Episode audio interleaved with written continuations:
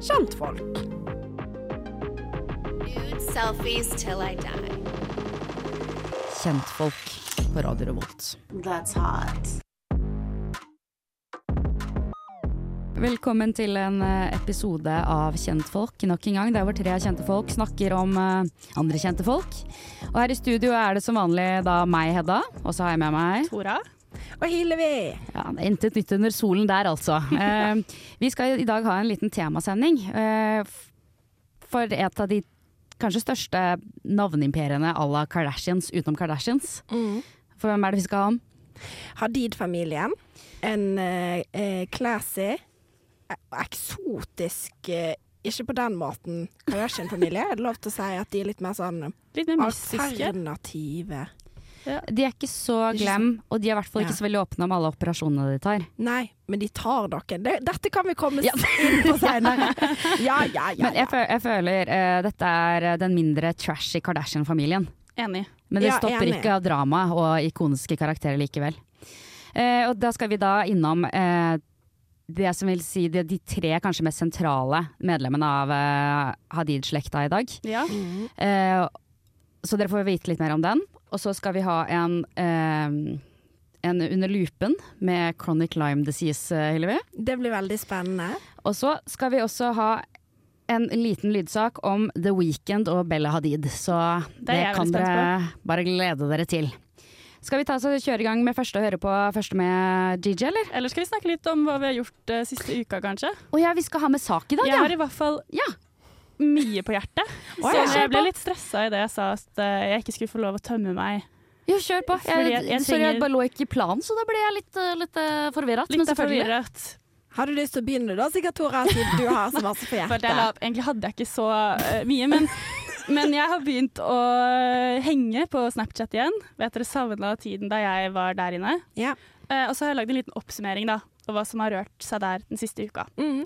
Skal jeg bare gå gjennom, eller? Veldig gjerne. Eh, Anniken Jørgensen hun har jo kommet hjem fra Dubai, OK. så hun gjør nå yoga og spiser takeaway i senga med forloveden sin Leo. Men er ikke det det hun har gjort i Dubai òg? Er Jo. dette noe nytt? Nei. Nei. Øyunn Krogh trener og tar selfies i speilet. Ja. Cecilia Teigen lager kanelboller og sminker seg. Mm. Tonje Frigstad har dratt til Aspen for å se sin alpine kjekkas kjæreste Birkerud. Og hun mista kofferten på veien og mista fly og sånn, så hun måtte gråte litt. Men så ordna det seg. Fysj og fy. Ja, så nå koser hun seg. Noe Ja, verre. Så Sofie Stray trener, går på kafé og spiser takeaway-salat. Men, ja. Men nå uten Oskar Vestelin. ja, Ja, det de så har slått opp. Ja. Og det er kontinuerlige gravidupdates fra Sofie Elise, som nå også har annonsert at hun skal spise sin egen morkake. Ja, Så det det, er litt litt interessant. Smått og smått fra Snapchat. Det er jo det det går i. Spørsmål om det morkakegreiene. Ja. Er det litt 2016, eller? Eh, ja. Var ikke det det liksom Kardashians gjorde når Courtney fikk sine første barn? Det er dritlenge siden. Jeg er sånn, jeg, jeg er ikke ferdig med det. Det er rart å gjøre det i 2023. Men jeg ble litt skuffa, for hun skal jo bare ta kapsler. Week, eller? Å ja, for Hun hun spiser den ikke om? som kjøtt, sånn som Nei. Courtney Kardashian gjorde. Å ja, hun tok Bernet-versjonen, holdt jeg på å si.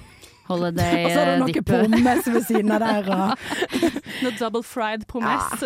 tok han et lite pitabrød, da. Ja. Small han nedpå. Nei, men eh, det syns jeg var weak, det er jeg enig i. Eh, hun er jo veldig hard vegetarianer, da. Gjelder ikke det når man spiser sine egne kroppsdeler? Jo, men faktisk så så jeg det, og så tenkte jeg til Sofie Elise sitt forsvar at hun er vel vegetarianer på bakgrunn av dyrevelferd. Ja. Og jeg vet ikke om morkaka Eller morkaka hennes skal gå gjennom ganske masse, faktisk, så kanskje han skulle få slippe. Tror dere morkaka har følelse? Det er en diskusjon for en annen dag. Ok. Men uh, kan jo hende hun Det er greit, det, Tora. eh, trenger det mer enn noen, da. Siden hun ikke har spist kjøtt på så mange år. Sikkert godt med litt jern inni den Ja. lille kroppen. Skrotten der. Jeg føler at vi burde ta et ordentlig dypdykk i eh, kjendiser som spiser morkake. Det kan vi lage er- en loopen på, faktisk. Det, det er den eh, lydsaken ingen vil høre, men alle, alle burde høre. alle trenger.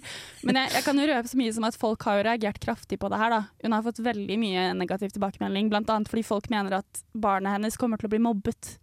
Blant annet Ingrid Senneset, nei Ingrid, Ingeborg Senneset har vært ute og kritisert uh, Sofie Elise. da. Men, men, men fordi at barnet kommer til å bli mobba? Fordi Jeg synes det var veldig Det rart. vel ingenting Altså, Nei, og så er det jo sånn, det er ikke vitenskapelig dokumentert at det er positivt, bla, bla, bla. Men eh, det er det minst kontroversielle Sofie Elise har gjort i hele sitt liv, er å skulle spise litt morkake. jeg syns det er veldig lite kontroversielt, jeg. Jeg Ja. tenker ja ja, det må Ja, nå du kjør bare på. gjøre. Ja. men jeg syns det er ordentlig ekkelt, da. Det Ja. jeg når jeg tenker på det. For jeg synes det er ordentlig ekkelt. Det er jeg enig i. Ja. Helt enig. Men hva med dere da, snuppene? Ja. ehm, min mest relevante kjendisnyhet i dag. Det er litt ikke akkurat i samme gate, med samme målgruppe kanskje, og det er jo det at lille Bjørn Nilsen er død. Nei, Har dere fått med dere det? ja, det skjedde jo faktisk i dag. Ja, det gjorde Mm. det. Så det breaking news for dere som hører på, da. Altså, jeg satt faktisk i dag tidlig og hørte på et par av låtene og gråt, jeg. Nei. Jeg mener det. Gjorde Ja. du det? Ja, jeg har et nært, nært og kjært forhold til Ja, men det er veldig fint. Det var ikke meningen å le av det, Tora. Men jeg tror eh, Er det litt Oslo-greie å føle så mye for Lille Bjørn Nilsen? Ja, jeg føler eh, ikke så veldig masse for lille Bjørn Nilsen. Men jeg syns det er trist generelt med død, da. Ja, Jeg- Det- Der kan du sympatisere. Ja. Jeg Men når føler- Vassandguttene dør, dere, da har vi Da- det gående. det Da blir det en ukes pause fra kjentfolk. Staysman og Laster òg. Gruer jeg meg til. Spesielt du. Nei, men jeg, jeg, nei, jeg tror det faktisk er en Oslo-greie. For jeg satt på, på produksjonsrommet her når jeg egentlig skulle lage lydsak i stad. Og ble sittende og prate lenge og vel om, eh, om Lille Bjørn Nilsens eh, død med en annen Oslo-person. Og det var egentlig bare at eh, begge to satt og ramset opp låter vi begge to syntes var fine. Så ja, det er trist. Det er veldig trist. og det er det jo.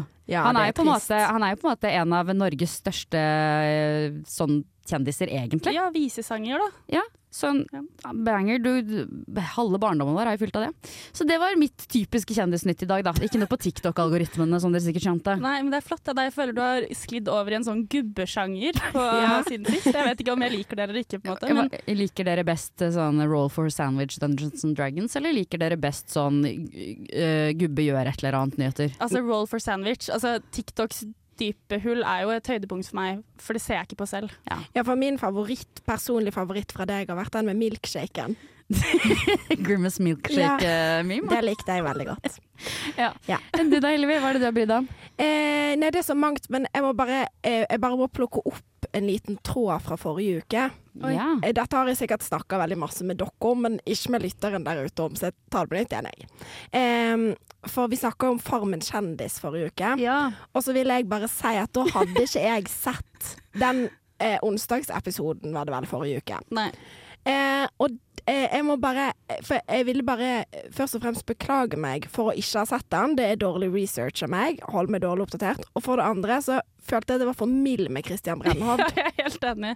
Men jeg har jo nå sett denne episoden. ja. Og der sier Christian Brennhovd på et tidspunkt til Bahare Viken OK, casen er eh, Det er høne som blir mobba. Jeg har vokst opp med høne. Høne blir mobba. Det er en grunn til at det finnes noe som heter hakkekylling. Ja. Ja. Så, eh, det, men det er jo trist at et, et dyr blir plaga av andre dyr. Det er trist. Det må Ja. være lov til å synes at det er trist. Ja.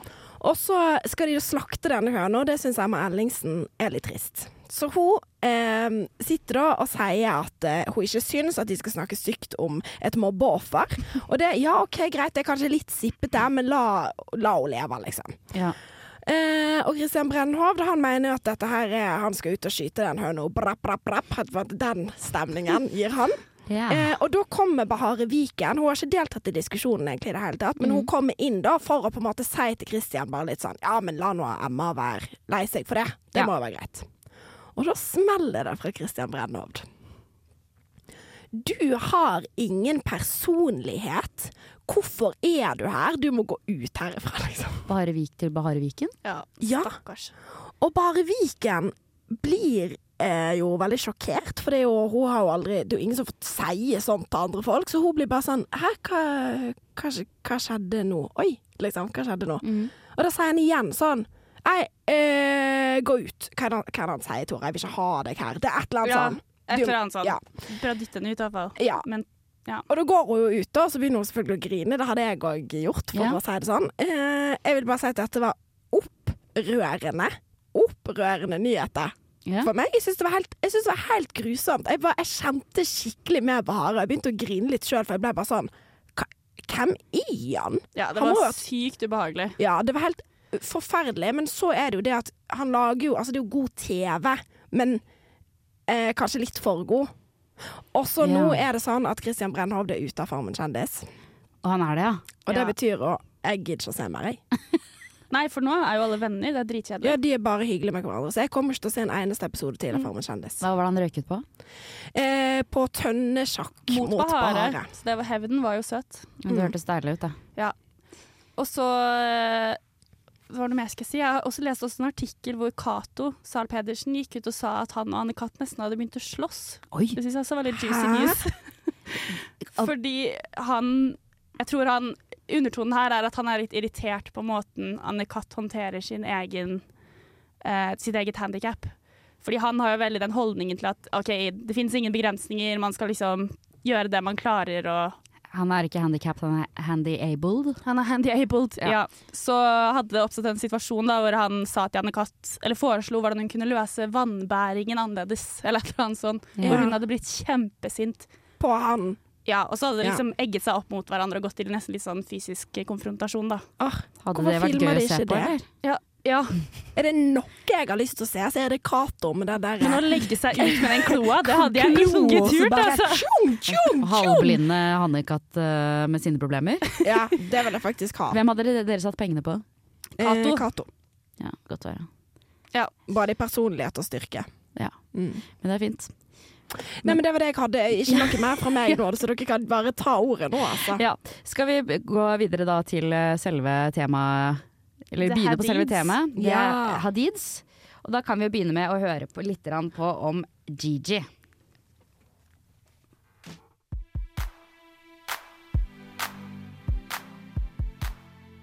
Gigi Hadid, eller Jelena Nora Hadid som hun egentlig heter, ble født i 1995 og er med det den eldste av de tre barna til Yolanda og Mohammed Hadid.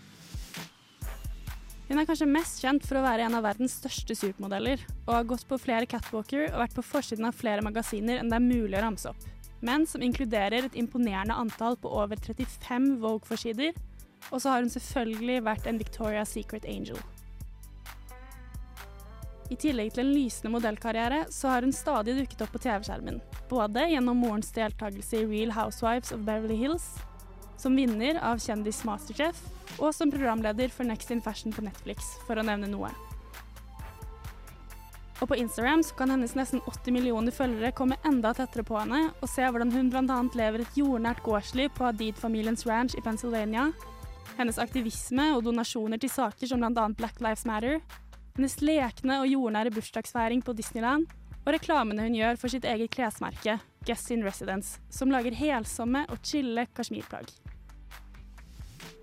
Og om ikke en sinnssyk modellkarriere, suksess på TV-skjermen, eget klesmerke og image som snill, chill, søt, sjenerøs og kokkelerende ranchgirl skulle være nok til å gjøre Gigi Hadid til tidenes it-girl, så har hun heller ikke vært fremmed for å henge med de største navnene i kjendisbransjen og date guttene alle tenåringsjenter drømmer om. Blant annet så har hun blitt ansett for å være bestevenninne med Taylor Swift siden de to møttes i 2014. Og som ekte BFFs har de vært i hverandres bursdager, postet Instagram-innlegg sammen og støttet hverandre offentlig siden den gang. Og Bestie snakker bare delt søte øyeblikk, men også ekser. I 2015 så datet Gigi Hadid Joe Jonas, etter å ha datet It-boyen Cody Simpson i to år før det. Og kort tid etter så begynte hun å date Zayn Malik fra One Direction som skulle bli det man kalte et turbulent forhold, og som kanskje er det forholdet hun er mest kjent for den dag i dag. Ved å slå opp og bli sammen igjen hele fem ganger over seks år, så holdt de på det offentliges interesse, til tross for at de var veldig hemmelighetsfulle og forsiktige med hva de delte fra forholdet. Men i 2021 så ble det slutt for det som nå regnes å være for godt. Da hadde de rukket å få datteren Kai sammen, som de deler omsorgen for den dag i dag. Tora, tusen takk for at du nevnte igjen det med Cody Simpson. Ja, For jeg hadde glemt det it-paret de to var. Liksom. enig.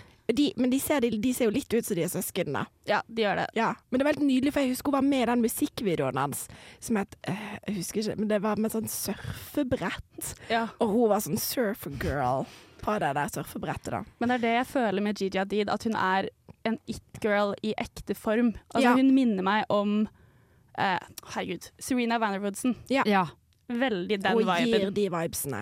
Ja. Samme font. Samme veldig sant. Mm. Samme font. Men hun gir òg eh, Det skal hun ha. Vi skal jo snakke mer om familien etterpå, og hvor snille de egentlig er. Men Gigi i den familien gir meg klart mest sånn Hun er snill. Jeg tror at hun oppriktig er ganske godhjerta. Ja. Sånn når du leser opp her på en måte tingene hun har gjort, og bla, det er ingenting du egentlig kan ta henne på. Og nesten alle kjendiser har noe du kan ta de på, på en måte. Enig, og det, det er nesten så det er litt irriterende, fordi man skulle i hvert fall tenke OK, men hun virker kanskje litt overfladisk eller veldig opptatt av utseendet, lalla. Men hun Gjør gjør ikke det. Nei. Hun er på gården og graver i jorda og lager, som jeg sa, helsomme kasjmirplagg og liksom Ja. det, Ja, og hvis, jeg vet ikke om dere har sett på Next in Fashion? Mm. Jo. Elsker Med- det programmet. Med Tan, eh, Tan France fra Queer Eye. Ja, og hun gjør så god figur, altså. Ja. Gråter når folk forteller historiene sine og liksom Nei, hun er fin, ass. Fin Ja. dame. Mm. Og så skal vi jo snakke mer om etterpå, fordi hun og Zain har gjort det slutt. Ja. Uh, og det skjedde jo ikke helt udramatisk. Nei. Men det skal vi rett og slett spare litt eh, til senere. Å, Fordi herregud. først så skal vi jo høre om. Yolanda og Bella. Da gunner vi i gang med det. Yolanda Hadid har hatt mange ektemenn, og dermed mange etternavn. Men hun ble født i Nederland som Yolanda van der Herrik, eller Herrik. Jeg kan ikke nederlandsk. Uansett. Som ungjente så jobber hun som modell faktisk i 15 år, og flytter dermed til USA. Der møtte hun faren til sine barn, Gigi, Bella og Anwar, Mohammed Hadid, på 90-tallet. Etter å ha fått seg et nytt legendarisk etternavn og tre smårollinger, så møtte hun David Foster. Han er en kjent komponist og produsent, og så gifter hun seg med han. Hun er singel og ready to mingle nå, og har gått tilbake til sitt andre etternavn, Hadid. Yolanda er aller mest kjent for å være ei av husfruene i realityserien The Real Housewives of Beverly Hills. Der var hun med fra 2012 til 2016, og det var òg der hun fikk satt barna sine på stjernekartet. I reality-serien får vi òg noen glimt av hvordan hun oppdro jentene sine til å bli ekte supermodeller. Volleyball is a very masculine sport. Modeling is a very feminine thing. I so, know. And, and that means sometimes we have to give up things that we love to do. you know, you have to make a choice. Modeling is my job. Volleyball is my sport. So their bodies are big and bulky, and I mean, they eat like like men. I wanted her to develop as a woman. I thought that my daughter was uh, lesbian. I'm so excited for the food. Pretty much all the food that we're eating is like a heart attack in a meal. It's like, but it's gonna be so good. It's good. You can have one one night of being bad, right? Yeah, I was actually really good this week. Yeah. And then you got to get back on your diet, though. And then you got to get back on your diet, though. Because you know, in Paris and Milan, they like the, the girls just a tad on the skinny side. Girls.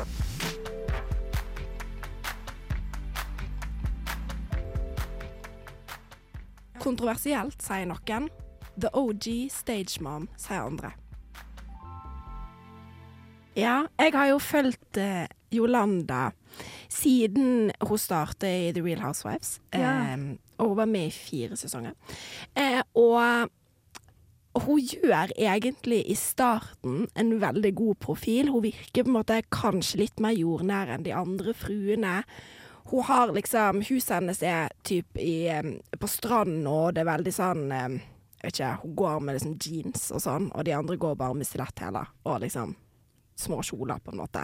Så hun virker I starten så tenker jeg dette er ikke det verste mennesket jeg har sett. Og så ser vi jo i ettertid disse dryppene av bare sånn de grusomste ting som hun sier, spesielt til Gigi. Og det er òg en sånn scene der Gigi ringer og holder på å besvime, for hun er jo så dårlig. Og så sier hun til mor si ja, jeg spiste, jeg spiste noen mandler. Og da ble det litt bedre, og da sier mor ja, spist to mandler til. Ja. Og da er det sånn veldig tydelig i ettertid, så er det veldig tydelig at sånn Hun er jo under Hun har ikke spist hele dagen, og det er derfor hun holder på å besvime og er kjempedårlig. Og mora sier du kan spise to mandler til. Ja, fordi at uh, Yolanda er vel eh, selve definisjonen på det man kaller en almond mom. Ja. Det er vel kanskje der det kommer fra også. Altså mødre som er ekstremt opptatt av diettkulturer. Mm, og at du skal spise åtte mandler om dagen. Ja. Og at hvis hun da virkelig skal ta det helt ut, så, så, ja, så går hun og spiser usalta mandler, liksom. Ja. Og det klippet som vi hørte på slutten her, når de snakker om eh, eh, dietten til Gigi, det er òg eh, i bursdagen til Gigi. De snakker om hva, hvordan kake og hva de skal spise på bursdagen til Gigi, og da får hun lov til å spise ett kakestykke. Fytti katta.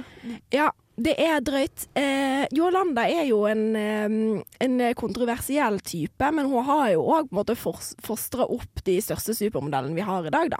Så det skal hun jo ha. Tusen takk for det, Jolanda. Det hadde jeg ikke klart meg Tusen hjertelig takk. Eh, og så har hun vært Altså, hun var jo gift med Hun er jo god på å finne seg ektemenn som betyr noe Ja. her i denne verden. Den første ektemannen så er jo altså, en av de aller rikeste i hele Amerika. Så der har hun jo virkelig skutt gullfuglen, da. Ja, men det er da andre mannen som da er faren til eh, Gigi og Bella? Nei, den første Det er første. eh, faren. Hadid? Ja. Og så den andre ektemannen hennes, David Foster, Mm. eh, er jo den hun var gift med lengst. Og han var med òg gjennom hele Real Housewives of Beverly Hills, og så fikk vi òg skilsmissen, da. Så det var jo en liten cherry on the top for oss. Ja, fordi nå som vi først snakker om det, vi kan, kan jo kanskje sette familien litt på kartet, nå som vi først er inne på matriarken. For dere nevnte jo altså faren til Gigi og Bella, som vi også skal ta for oss senere. Mm. Det er jo Mohammed Hadid, Mm. eh, som er en insane rik sånn luksushusselger, kan man kalle han det. Ja. Ja, som kom fra faktisk Israel originalt, eller han er palestinsk. Mm. Mm. Som man jo også har merka litt på ja, hvordan barna har engasjert seg i det siste. Ja. Eh, og var da gift ja, med Yolanda og fikk Gigi Bella, og også en som heter Anwar Hadid, Ja. som er da lillebror, eh, født i 1999, mm. og som også er toppmodell nå, da. ja, Ja. og han er relevant fordi han har data Dua Lipa. Ja, i to år. Det hadde jeg faktisk ikke fått med meg. Mm, han drev bare og la ut sånne anime-bilder på Instagram. Hot. Ikke så veldig mye av, han, av henne.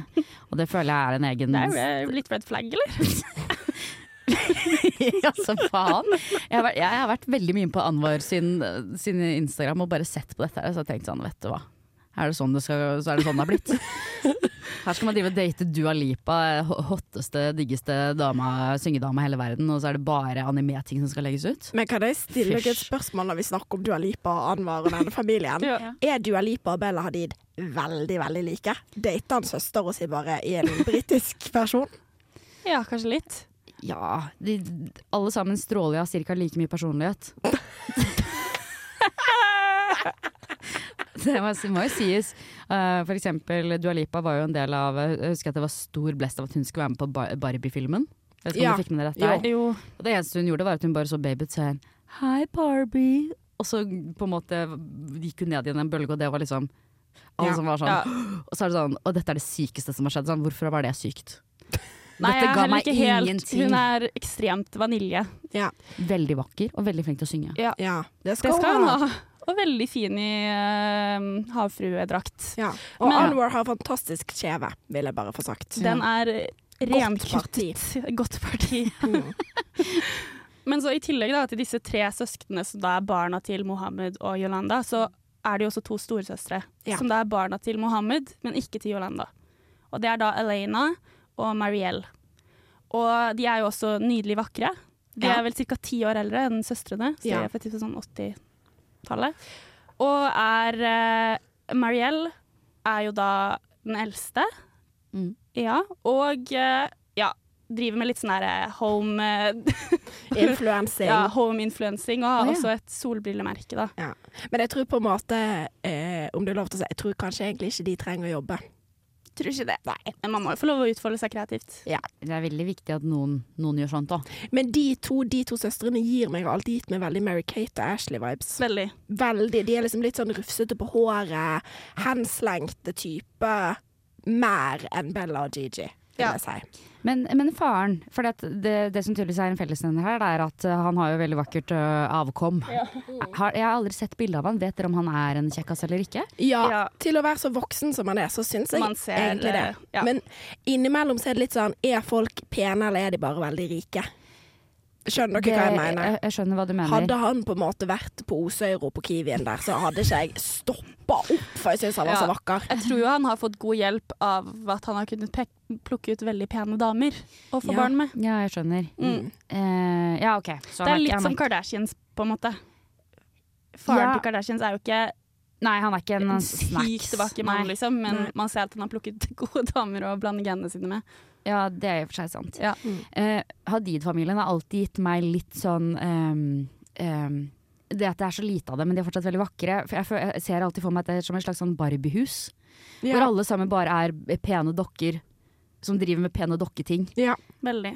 Men jeg tror eh, kanskje at Jolanda av alle disse er den minst private, slår meg Ja. som. Hun er veldig, hun har jo delt og sånn Og å være med på et reality-program er jo ikke akkurat eh, veldig, en veldig privat eh, greie å drive med. Og det var òg der liksom hele familien fikk sånn, selv om han faren var veldig rik og hun var tidligere modell, så er det sånn, det var der familien på en måte kom på kartet, og der folk la merke til hvem de var.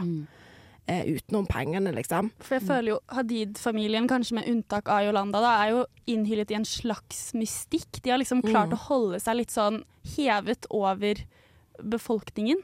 Ja. Skjønner du hva jeg mener? Og veldig sånn derre Og litt mer eksklusive. Litt mer high fashion enn f.eks. Kardashians, da. Ja. Det har ikke vært så mange um, Altså sånn um, Husker dere for eksempel da Chloé måtte drev med fyllekjøring og måtte i arresten? Ja. Det er ikke sånn stemning sånn. Nei, det er ikke sånn strippestang i stuestemning Nei, her. Nei, Ingen home video leaks, holdt jeg på å si. Altså pornofilmer som har kommet ut fra den kanten. Men hvem veit?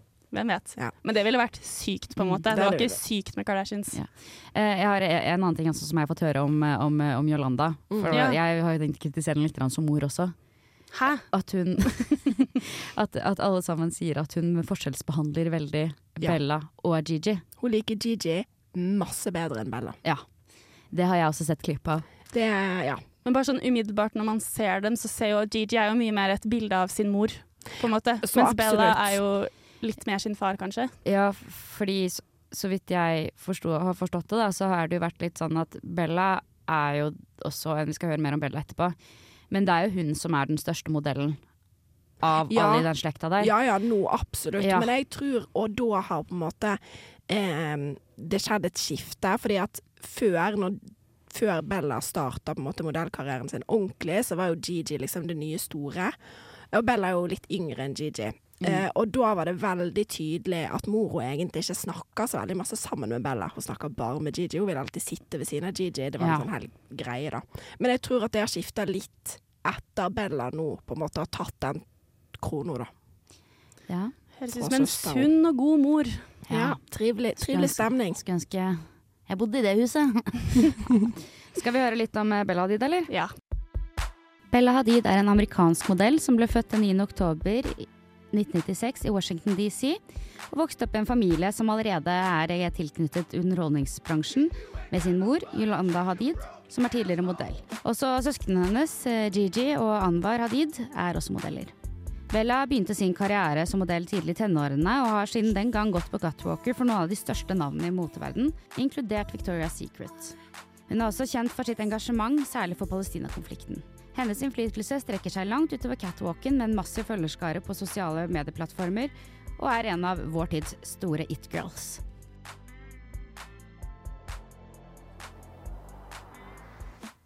Ja, det var jo kort og godt om Bella. Jeg Ja, men det var det vi trengte. ja, jeg føler det er essensen. Jeg kan jo uansett si at hun egentlig heter Isabella Kair Hadid. Men Ja. hun kalles jo, hun kalles jo da for, for Bella, da. Ja. Eh, og hun er jo det Hun er jo veldig lite kontroversiell. Men en ting som er kontroversielt, er Ja. jo fjeset hennes. Fordi ser Ja. Bella egentlig ut som seg sjøl? Du tenker på neseoperasjon? Ja, så tenker jeg på skinnbeinsoperasjon, og så tenker jeg på den cat eye-operasjonen som de gjør. Så tenker jeg på hakeoperasjon. Så tenker jeg på leppeoperasjon. Har det vært så mye, altså? Ja. Mm, Men jeg er ganske Altså sånn Det kan man jo ikke vite, for jeg er ikke plastisk kirurg. Men jeg er ganske sikker på det. Hun ser helt annerledes ut. Ja. Eh, og hun har jo da f.eks. dette med nesa. Eh, neseoperasjonen har hun selv eh, snakket om. At hun har jo da tidligere hatt en typisk eh, palestinsk nese, som hun da ble oppfordret for å få fjerna. Og hun har sagt i ettertid at hun angrer veldig på det, for hun tror selv at hun hadde på en måte vokst veldig inn i den nesa, så hun har jo da operert vekk noe som hun selv kunne sett på som et særpreg ved seg selv, da. Og tatt vekk også da eh, Eller hun har fått smake på Vestens eh, ja. for så å bli et selv. Ja. Eh, men hun har jo Ja, det er faktisk sant det dette med cat eye-operasjonen. Fordi at alt det Bella gjør, prøver alle på TikTok å gjøre. Ja. Og det viser seg å det, det er på en måte Folk river jo nesten ut håret, for de går med så stramme hestehaler for de vil ha sånne øyne som Bella og sånn. Det er jo helt Ja. sinnssykt. Men em, jeg tror jo at forskjellen kanskje på Gigi og Bella er jo at Gigi ble på en måte casta inn som en litt annen type modell. Bella ble veldig fort casta inn som en sånn Det er high fashion. Gigi er jo mer reklamejente Ja. Enn Bella er. Nå sier jeg ting så Jo, ser jeg jo, på men dere, og så absolutt. er dere enige. Jeg føler det reflekteres veldig i hele deres profil, f.eks. på Instagram også, hvor Gigi legger jo ut mye mer sånn der tilgjengelige, holdsomme eh, bilder av seg selv. Mm. måte, Mens Bella har jo mye mer den her Mystikken. mystikken og estetikken. Ja. Og det jeg skjønner jo, hvis du på en måte skal ha rollen som eh, high fashion-modell, at du må se ut på en viss måte. Jeg bare mener at skal man ha den jobben hvis man ikke ser sånn ut fra start av? Takk for meg. Ja. For at jeg mener jo selvfølgelig at det er noe veldig feil med modellbransjen, og at det er helt sinnssykt at vi skal ha så masse At du må operere deg for å kunne være modell, syns jeg er helt sjukt. Det er veldig mange feile ting med modellbransjen. Men nå er den bransjen sånn som den er, og da syns jeg det er rart. For at jeg tenker da med en gang det handler om navnet. Hun hadde potensialet til å bli så stor modell fordi at hun har den mor hun har, hun har den faren hun har, hun har den søster hun har. Og dermed så bare Og så så de du er tynn og høy. Dette kan vi gjøre noe med. Og så opererte de henne. Er jo 1,75 cm høyt, så det er ikke spesielt høyt å være modell heller.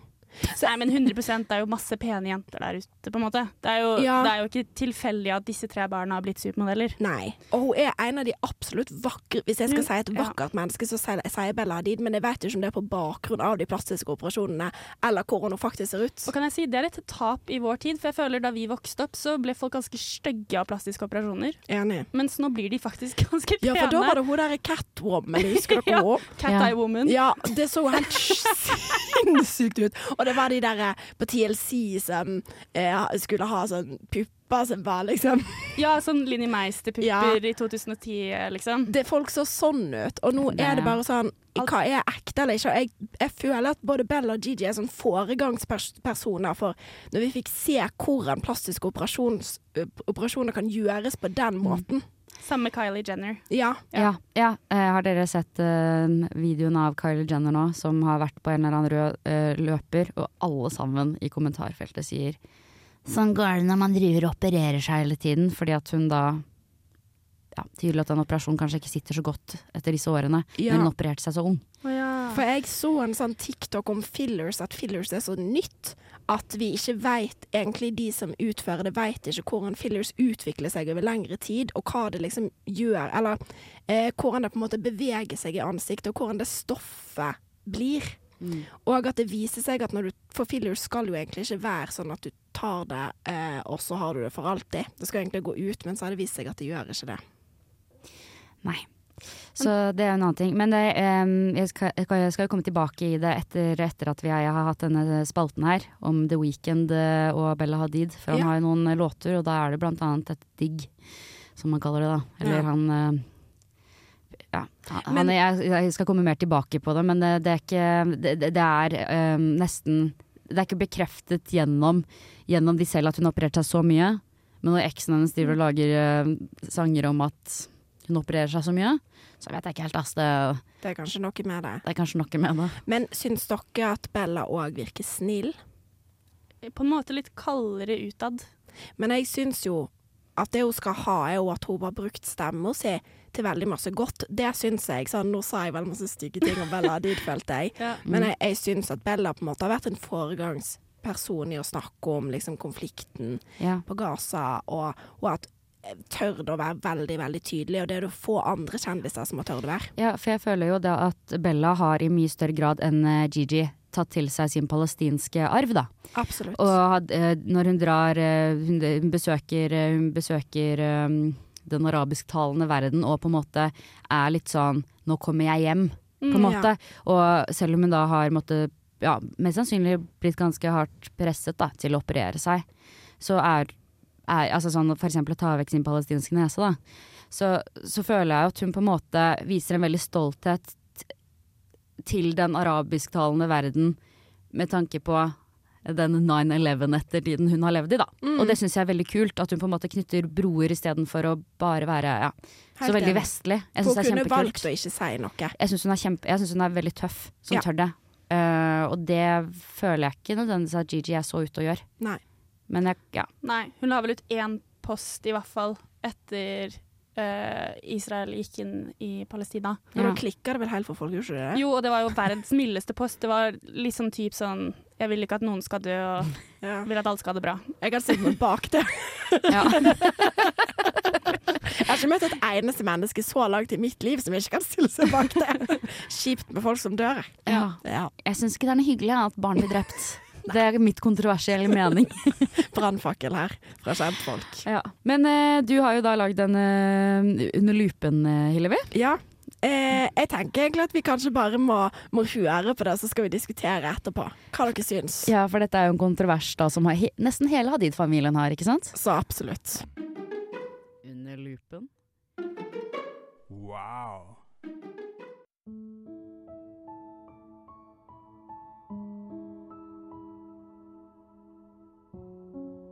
I dag så skal vi snakke om sykdom her Under lupen. Derfor så må jeg si at jeg ikke er i nærheten av å ha medisinsk kompetanse. Kildene mine de er fra Lancet Medical Journal, fra BBC og fra Shameless Podcast. Jeg er altså ingen lege, men jeg tar likevel på meg et, om du spør meg, likså viktig samfunnsoppdrag i dag. Nemlig å prøve å oppklare Hadid-familien sitt oppheng i en viss sykdom. I dag så skal vi snakke om chronic Lyme disease. Vi har jo flere ganger nå fastslått at medisin ikke er mitt felt, men denne historien handler først og fremst om en angivelig god scam, The Real Housewives of Beverly Hills og en åpen og ærlig instapost. Før vi skal get down and dirty, det jeg nettopp nevnte, så må jeg ta på meg legefrakken i to sekunder her. Fordi hva er egentlig lime? På norsk så heter det borreliose. Det er den sykdommen jeg kan få av flåttbitt. Lars Monsen er Norges ansikt på sykdommen, og blir dermed òg norgesspiller Hadid. Det er jo litt artig. Det har vært en knallhard dag. altså. Bikkjen er helt kjørt, og nå må jeg bare få litt liv i skrotten igjen med noe fisk. ass.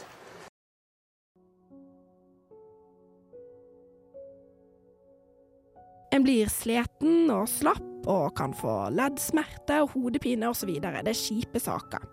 Og en kan òg være sjuk ei lita stund. Men det er ikke arvelig, og en må ha blitt bitt av en flått for å få det. Så hvordan har det seg da at tre av medlemmene i Hadid-familien har det, og at de har kronisk borrelia? Både Jolanda, Bella og Anwar påstår at de har eller har hatt kronisk borrelia. Yolanda kom ut med boka Believe Me My Battle with the Invisible Disability of Lyme Disease i 2017. People didn't believe you. They're like, you can't look at you. You're not sick. Yeah. This is such an invisible disability that didn't just happen to me, that happens to everybody that suffers from Lyme, including my own daughter, who is on the cover of magazines, yet people don't know how much she really struggles behind the scenes, you know? And your son as well. How severe is it for them? Well, Anwar is okay. I mean, he's been treated for two years and he's really good.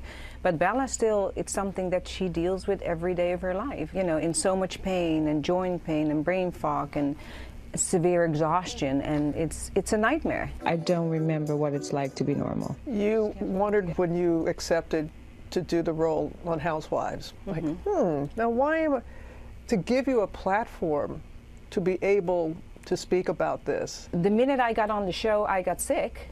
I've never worked on that show with a normal brain. Bella åpna opp om sykdommen i 2023 på sin egen Instagram med et hjertefølt innlegg om sin harde kamp mot sykdommen. know what it feels like to not want to get out of bed from bone pains and exhaustion and days on end and not want to socialize or be around people because the anxiety and brain fog just isn't worth it. Um, taking naps in between work days at lunch and um, just getting through the days without really having anything to look forward to at the end of the night besides sleeping, which is probably what I was thinking about when I woke up in the morning. Vi har jo nå gått gjennom hva borrelia er, eh, men hva er egentlig kronisk borrelia? Det viser seg av folk som faktisk kan ta på seg legefrakken fordi de har en medisinsk utdannelse, at det kanskje ikke finnes noe som heter kronisk Lyme disease, eller kronisk borrelia. Originalt så testa Jolanda faktisk negativt på borreliose på et offentlig sykehus. Ideen om at borreliose kan være kronisk, er kontroversiell.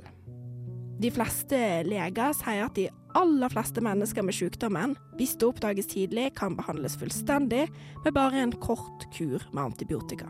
Det er ingen konsensus om hvorvidt kronisk Lyme faktisk eksisterer, sier Matthew Dryden, som er konsulent og mikrobiolog ved Public Health England's Rare and Imported Pathogens Laboratory.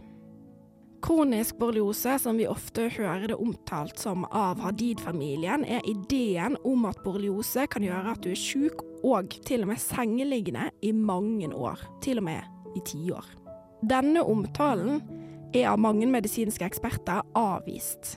The Lancet, er et anerkjent medisinsk tidsskrift, har uttalt at måten kronisk Lyme disease blir omtalt av av Hadid-familien, ikke har grobunn i vitenskap.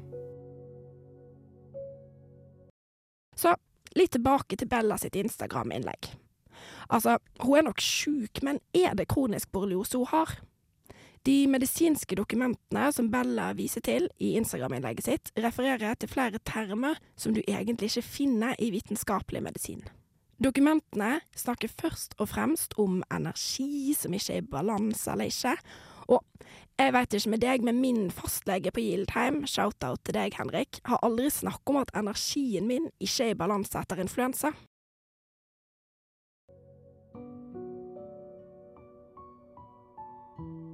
Kronisk eller ikke. Borreliose er kjipt, men har Jolanda funnet på en diagnose, og hvorfor har hun gjort det? Jeg tror at jeg står igjen med flere spørsmål enn svar, jeg, altså. Ja, dette var jo veldig spennende, da. Ja, det er veldig spennende. Um, fordi jeg så på The Real Housewives, som jeg har sagt mange ganger nå i denne episoden, så da har jeg fått, med seg det. Men um, Og jeg husker at jeg syntes så synd på, um, på Jolanda, for at hun var så sjuk. For hun brukte jo òg alle fire sesongene, og måtte jo gi seg i serien pga. sykdommen sin. Ja. Og så kommer det jo fram nå, iallfall jeg fikk det med meg ganske mange år etterpå, at kronisk borrelia, det, det fins ikke.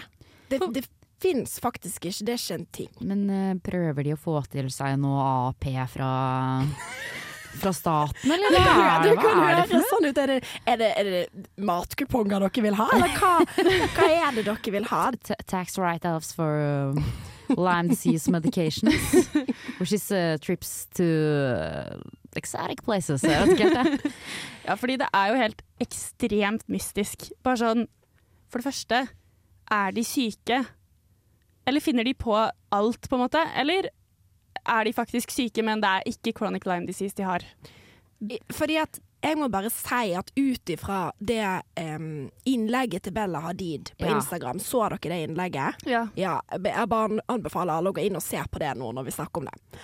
Hun ser veldig tydelig sjuk ut.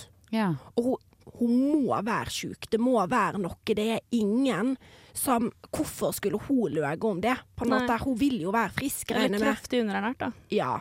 Nei da. Ja. Men, Men Få seg noe mandeltilskudd av to mandler om dagen setter jeg kur, kur til den jenta. så fant vi jo, fant jo ut at de legene som Bella bruker, det er ikke vanlige leger. Nei. Nei. Tenke seg til. Så det er ikke leger fra sykehuset. Og, òg det at Jolanda har testa negativt. Originalt første gangen hun testa seg for sykdommen, så var det negativ, en negativ test. Ja. Og hvordan kan hun da ha blitt så sjuk at hun er sengeliggende i mange år? Jeg Nei, jeg lurer sånn på hva det er. jeg òg lurer Fordi- veldig på hva det er. Det eneste vi vet egentlig, er jo at det ikke er chronic Lyme disease. Ja, måte, for det, det finnes ikke. ikke. Fordi at greia òg med Lyme disease er at du hvis du har det så lenge at Mm. og det er ubehandla, så kan du faktisk bli lam. Og du kan faktisk òg dø Ja. av det. Så hvis de hadde hatt det så lenge som de nå har det, så hadde de vært døde. De, de, de, de hadde ikke kunnet gått på jobb og måtte sove i lunsjpausene, for det hadde ikke vært mulig. Nei. På en måte. Nei, og så fordrer det jo at alle i familien Det er i så fall en familie med veldig uflaks, da, som alle har blitt bitt av flått med infeksjon. Ja, det fordi skal at- jo jaggu litt til, det òg. Fordi det jeg syns er så rart med det, er for når jeg leste på det, så er det sånn Ja, hvis du er i samme familie, så er det jo på en måte OK, da har du kanskje da er du i samme miljø ofte, så du er i samme hage, eksempel. Mm. Eh, Eller på samme telttur. Jeg vet ikke hva de driver med på fritida. Men da er det ikke Hest- så rart. Hesteridning. Ja. Det er det vi Der er det jo flott. Ofte der hestene er. Så det er jo ikke så rart hvis du har blitt bitt av flått. Men det som er rart, er at Jolanda fikk det så lenge før både Anwar og Bella. Det tok lang tid før hun sa at Anwar og Bella òg var sjuk. Kanskje hun hadde bitt på dem selv. Ja, så skal det jo litt til. Kanskje hun altså- vampyr? De fleste av oss her i Norge eksempel, har jo vært på steder med flått. Ja. Man har kanskje en hytte eller hva som helst, og Mm. opplevd at mange i familien og dyr og alt får flått. Ja. Det betyr jo ikke at halve familien får borrelia. Altså, det er jo kjempesjeldent. Ja. Men uansett, litt sånn Gypsy Rose-vibes over det hele, eller? Jeg syns at det er creepy. Ja. Ja. Jeg syns det er super. Og så er det jo òg utrolig vanskelig å snakke om fordi at det er sykdom, og jeg tror jo at de må være syke, Fordi at de aller færre Jeg velger å stole på, på en måte, folk, og folk Mm. lyger ikke om å være syke. Men ja, jeg tror Ja. kanskje det bare det er én person som skal redde dem, ja. og det er jo sjaman Durek. Endelig kommer han til nytte. Ja, kan han drive og ta litt på underlivene deres, eller hva som skal til for at han skulle helbrede folk? Ja, ja. Men en ting til. Utrolig mystisk at ikke dette har blitt snakka mye mer om. For jeg føler de har fått lov å ture fram og lage bøker og snakke i podkaster om en sykdom som ikke fins. Det er så Hva er rart. med det? Vi kom, nå høres vi litt ut som konspirasjonsteoretikere. Det er vi jo. Når, vi go når du googler det på engelsk Sånn, du googler liksom Yolanda yeah. Eller Hadid family uh, chronic Lyme disease, så kommer det bare opp sånne vanlige People-artikler om det, der det står hvor sjuke de er, hvor trist det er. Det kommer opp uh, for eksempel en tale som Bella holdt om dette. Du skal bla langt ned før du ser at OK, her er det noe som ikke stemmer. Mm. Men hvis du googler kronisk eh, borreliose på norsk, så står det med en gang det, det fins ikke. Det, det er ikke en ting. Og òg på TikTok så har, jo, har folk funnet ut av det. Og der er det liksom enkelt å finne informasjon, men ikke i vanlig media. Men amerikansk media, da må jeg legge til. Ja. Der. Britisk media, ganske klar på det òg. Ja. Men du må blande langt ned. Ja, fordi det er Lancet. For eksempel den kilden som er brukt, er jo legenes egen, egne me, Ja. mest anerkjente nyhets... Hva er det dette for noe? Eh, Publikasjons... Det er der de smarteste får lov til å publisere om smarte ting, tenker Ja, jeg med dumlillehjernen min, da. Ja, tidsskrift har ordet, ja. Yes.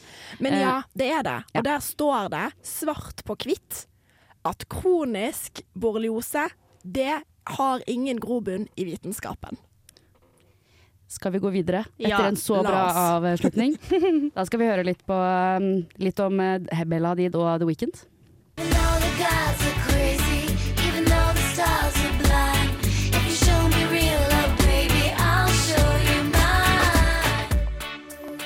Den låta.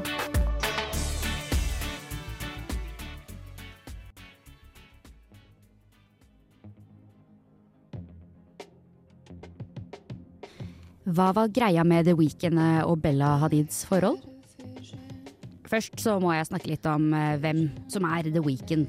For eh, tro det eller ei, The Weeknds ekte navn er ikke The Weeknd. Det er Abel eh, Tesfaye. Han er en kanadisk artist og har bangere som Can't Feel My Face, Starboy og Blinding Lights. The Weeknd og Bella Hadid var sammen i en periode. Men eh, hva er cirka tidslinjen eh, til Bella og Abel, og hva er det som er så spesielt med det? De møttes i 2015 og ble observert flørtende på Coachella. De blir et par, og Bella har bl.a. en eh, rolle i musikkvideoen hans, In The Nights. Og i 2016 uttaler Bella følgende i et glamourintervju. I'm dating Abel. I don't see him as The Weeknd. I'm proud of The Weeknd and the music he makes, but I really love Abel. Og at The Weeknd også hjelper henne med eh, symptomene på Lyme disease. Men i 2016 slår paret opp. Det stopper dem ikke fra å se sammen. Og når Victoria's Secret-showet, hvor da Bella Hadid går som en undertøysengel, så sendes hun på når The Weeknd synger sitt nummer, og han følger henne ned catwalken. Men i 2017 så går The Weeknd videre med en annen stjerne. Og det er da altså ingen ringere enn Celine Gomez. Bella kommenterer selv at hun syns at bruddet gjorde vondt. Det var tross alt hennes første brudd. Men i 2018 slipper The Weeknd et album, hvor han da også skriver en sang om en hestejente. Og for dere som ikke vet det, Bella Hadid har drevet aktivt med hest. I took my time to learn the way your body functions. You were equestrian, so ride it like a champion. Ride it, baby. This sex will get you high without no other substance. I tillegg spekuleres det om det er et spark i retning Selena Gomez i samme låt. Wasted times I spent with somebody else. She wasn't even half of you. I etterkant av dette albumet så tilbringer The Weeknd og Bella igjen tid sammen, før de igjen splittes i 2019. Og igjen i 2022 spekuleres det om The Weeknd spiller av en talemelding lagt igjen på hans mobil på konserten til outroen til eh, Save Your Tears. It's me. I know it's been a while. I was just thinking about you. I'm sorry about everything. I miss you. Og det spekuleres i at dette er Bella som har lagt igjen denne beskjeden, men etter mye spekulasjoner så finner man ut at det rett og slett ikke er Bellas lydopptak. Det er rett og slett bare fra en annen The Weekend-låt. Det spekuleres også om Save Your Tears handler om Bella selv, for teksten går slik som dette.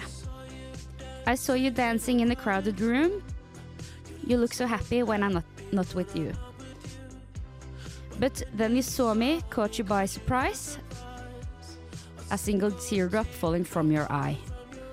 Og dette er jo da Dette handler jo da særlig om at The Weeknd og Bella Hadid bumpet inni hverandre på et utested, og at Bella Hadid dro ganske kort tid i etterkant. Om man hører nøye på The Weeknds tekster, så kan han eh, virkelig høres ut som tidenes fuckboy. Men at han har funnet sin eh, muse i Bella Hadid, det har jeg personlig ingen tvil om. Ja, det var jo litt, uh, håper jeg Altså, det er jo en veldig eh, En situasjon Jeg føler de på en måte er en av, av tidens største ekskjærester.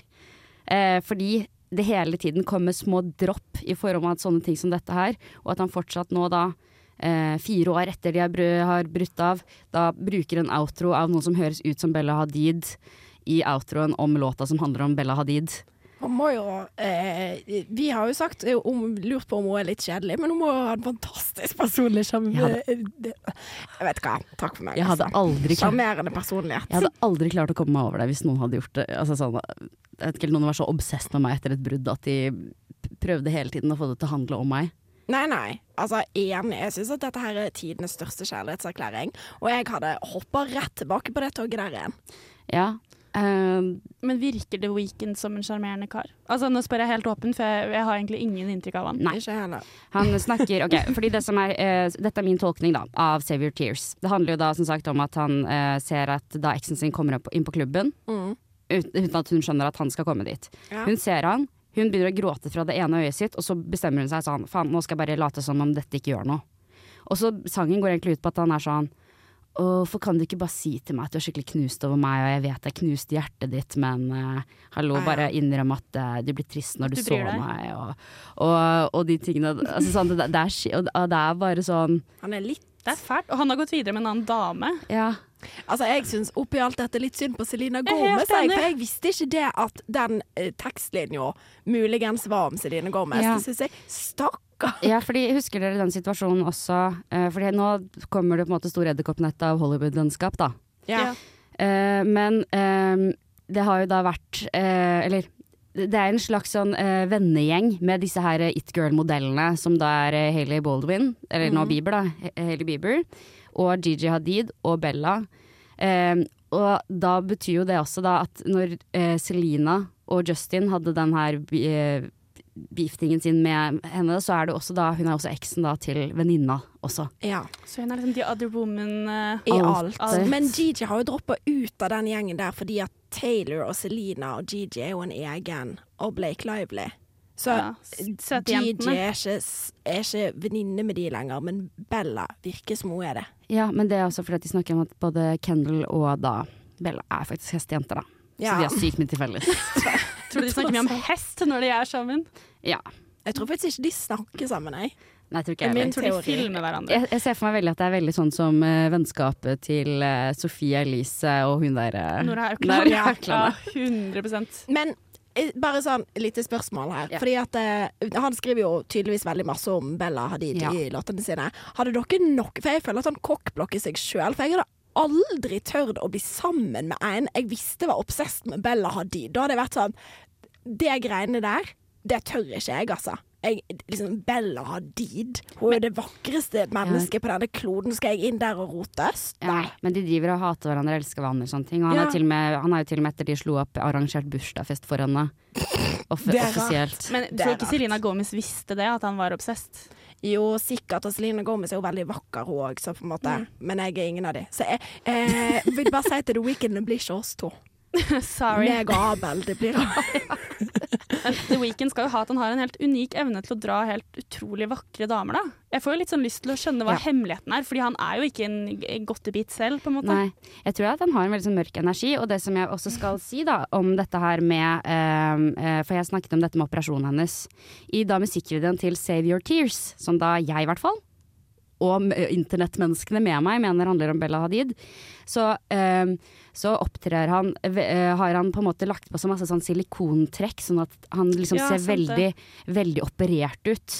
Og har også digs eller sånn, Jeg må slutte å få et bedre begrep enn digs, men han på en måte sparker etter henne og sier at ehm, sånn Ja, du opererer deg, alle jenter i Hollywood ser helt like ut fordi de har samme kirurg, og alle som bare opererer seg hele tiden og sånne ting. Og da, når han da dukker opp i den musikkvideoen, så driver han og går rundt da med liksom Og har liksom operert ansiktet, ansiktet sitt supermye. Det er dårlig gjort. Det er litt sexistisk, syns jeg. Han er, eh, helt ærlig, han er skikkelig fittetryne, men veldig fengende musikk, da. Ja, og så ja. har han jo hjulpet henne masse tydeligvis med denne sykdommen som ikke fins, da. Ja, så det, det gratulerer med det. Så gi meg det de har. Så romantisk. Alt jeg frekker meg etter. Men eh, skal vi gå videre og finne ut hvem som skal i skammekroken denne Oh yes. Let's do it. Gapestokken. Hiv pai på han! Gapestokken. Skam deg! Pøtt han i bur! Fysj! Gapestokken. Kutt av han tærne! Før han vekk! Radbrekk han! Gapestokken! Hiv han i fangehullet! gapestokken? Ja, og i dag så er det faktisk to stykker vi skal vurdere om skal settes i gapestokken. Enten en av de, eller begge to, eller ingen. Ja. For vi hinta jo litt til i stad at det ble jo slutt mellom Zain og Gigi. Mm. Og at det skjedde på en ganske dramatisk måte. Ja. Det som rett og slett skjedde, var at Zain ble anklaget av Yolanda, altså moren til Gigi, for å ha assaultet henne. Altså Yolanda eller Gigi? Yolanda og på en måte Gigi. Okay, Eh, og dette gikk da til retten, og han ble faktisk dømt eh, på fire punkter. Eh, både for trakassering av Gigi og Yolanda. Og helt spesifikt det han ble eh, anklaget for, da, og også dømt for, var at han bl.a. hadde dyttet Yolanda inn i en kommode. Sånn at hun fikk både hva sto det, psykisk og fysisk vondt. Ja. Det kan man jo skjønne. Psykisk vondt, ja. Ja, Det traumatiserende, kanskje.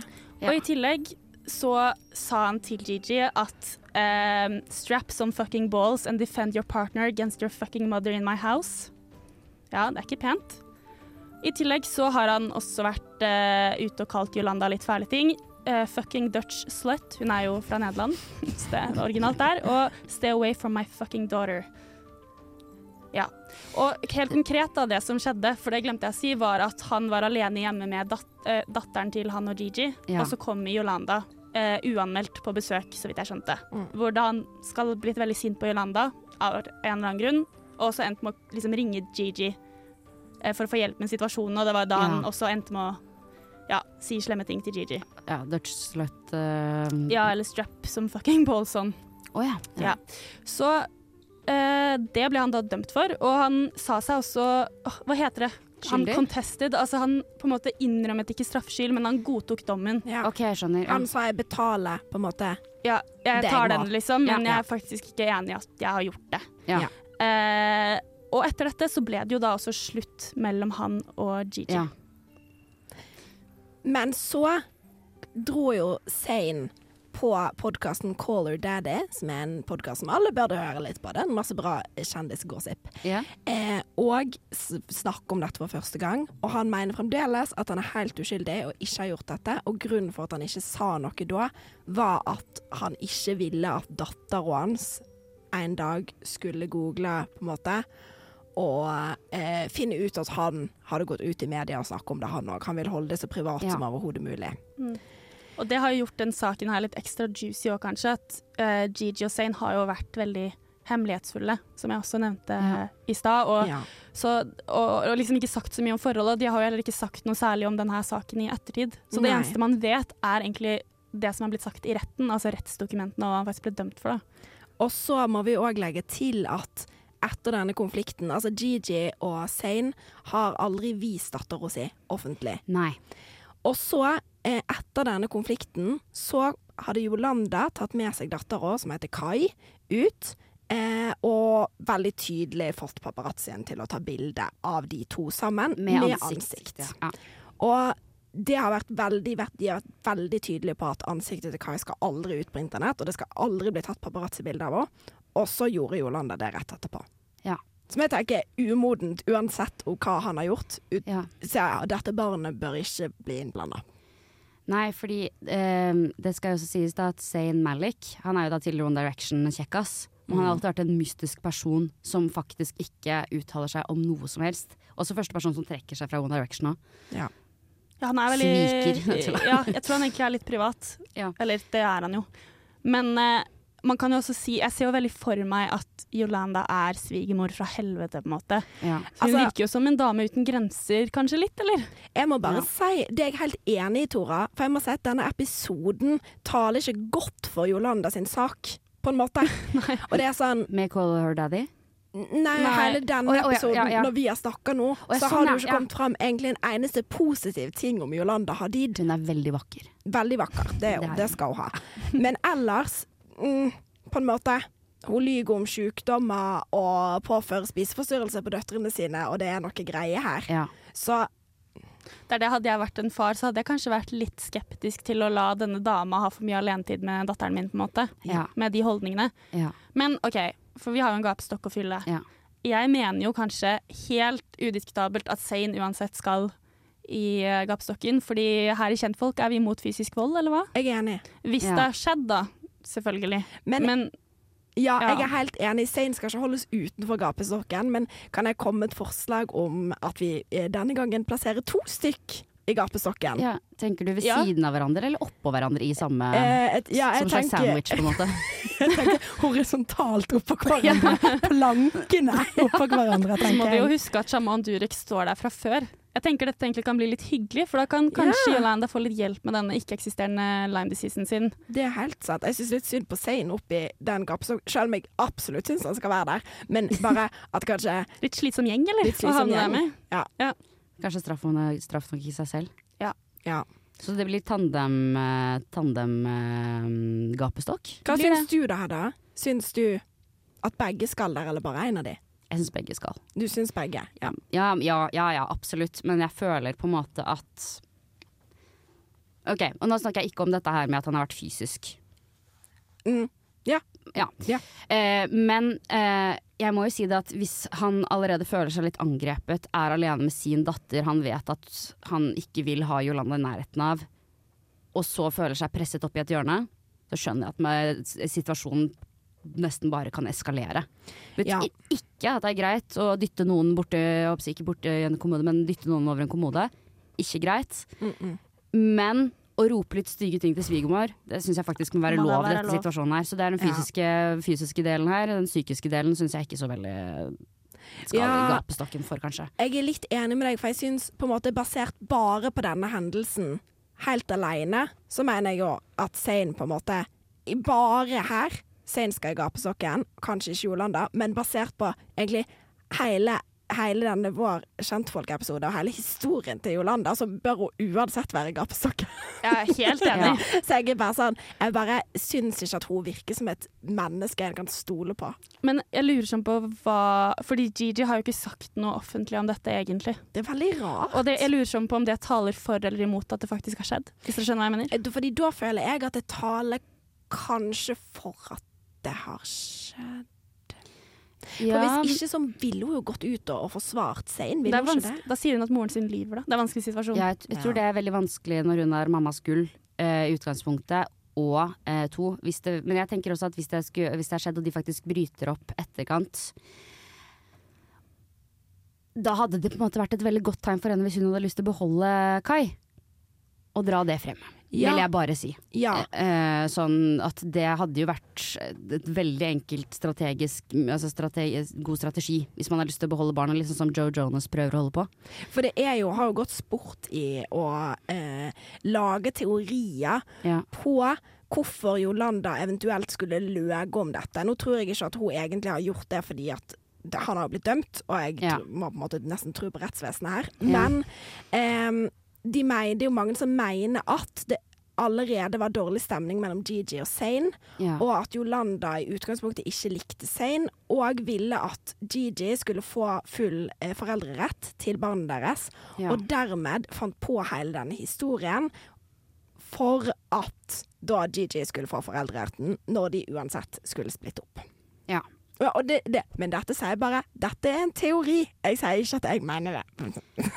Nei, for man må jo også tenke også at man ja, Fordi jeg føler at man må jo også respektere veldig dette her med For dette er jo også da vært en, voldsan, en voldshandelse mot en kvinne gjort av en mann. Ja, og Ja. det syns vi er ugreit. Aldri greit. Aldri greit. Nei. Det, fysj. Og man må liksom tro på det, som du sier. Ja, Ja. må det. Når det er, eh, når det er dømt. Ja. Pluss at han og Gigi slo jo opp, eller sånn Noe slikt har jo Ja, skjedd, uansett. Uansett så er det sånn Han har absolutt pengene og ressursene hvis han ville stått Hvis han 100% mente at han ikke hadde gjort noe feil, så Mm. hadde han hatt pengene og ressursene til å stått opp for seg sjøl i en rettssak. Og det tror jeg, uansett om det handler om dattera eller ikke, så hadde de fleste gjort det. Men det skal de faktisk ha, da, Gigi og han for så vidt. At de virker som veldig sånn tydelige og gode foreldre på akkurat dette med offentlig eksponering, og at de skal liksom klare å co-parente. De har jo gått ut og vært veldig sånn snakket om hvordan de skal ha et godt samarbeid og bla, bla, bla. Mm. Det kunne Joe Jonas kanskje tatt deg litt av lytt på. Ja, hør på den du, Joe. Latt seg inspirere. Ja. Din kødd. Han har allerede gapestokken. Så, så begge skal strappes opp. Oi, oi, oi. Ja. Ja, ok. Ja, ok. Ja. Men dem. det var jo kanskje et greit uh, slutt på denne episoden. Et punktum for eh, både Jolandas uh, Karriere. Nei, nei. Du er kansellert etter dette, Jolanda, etter denne episoden av Kjentfolk. Så det kan du tenke litt på. Men eh, da må jeg bare si takk for at dere har hørt på. Ja. Eh, og si takk for oss. Takk for oss. Takk for oss. Og så snakkes vi.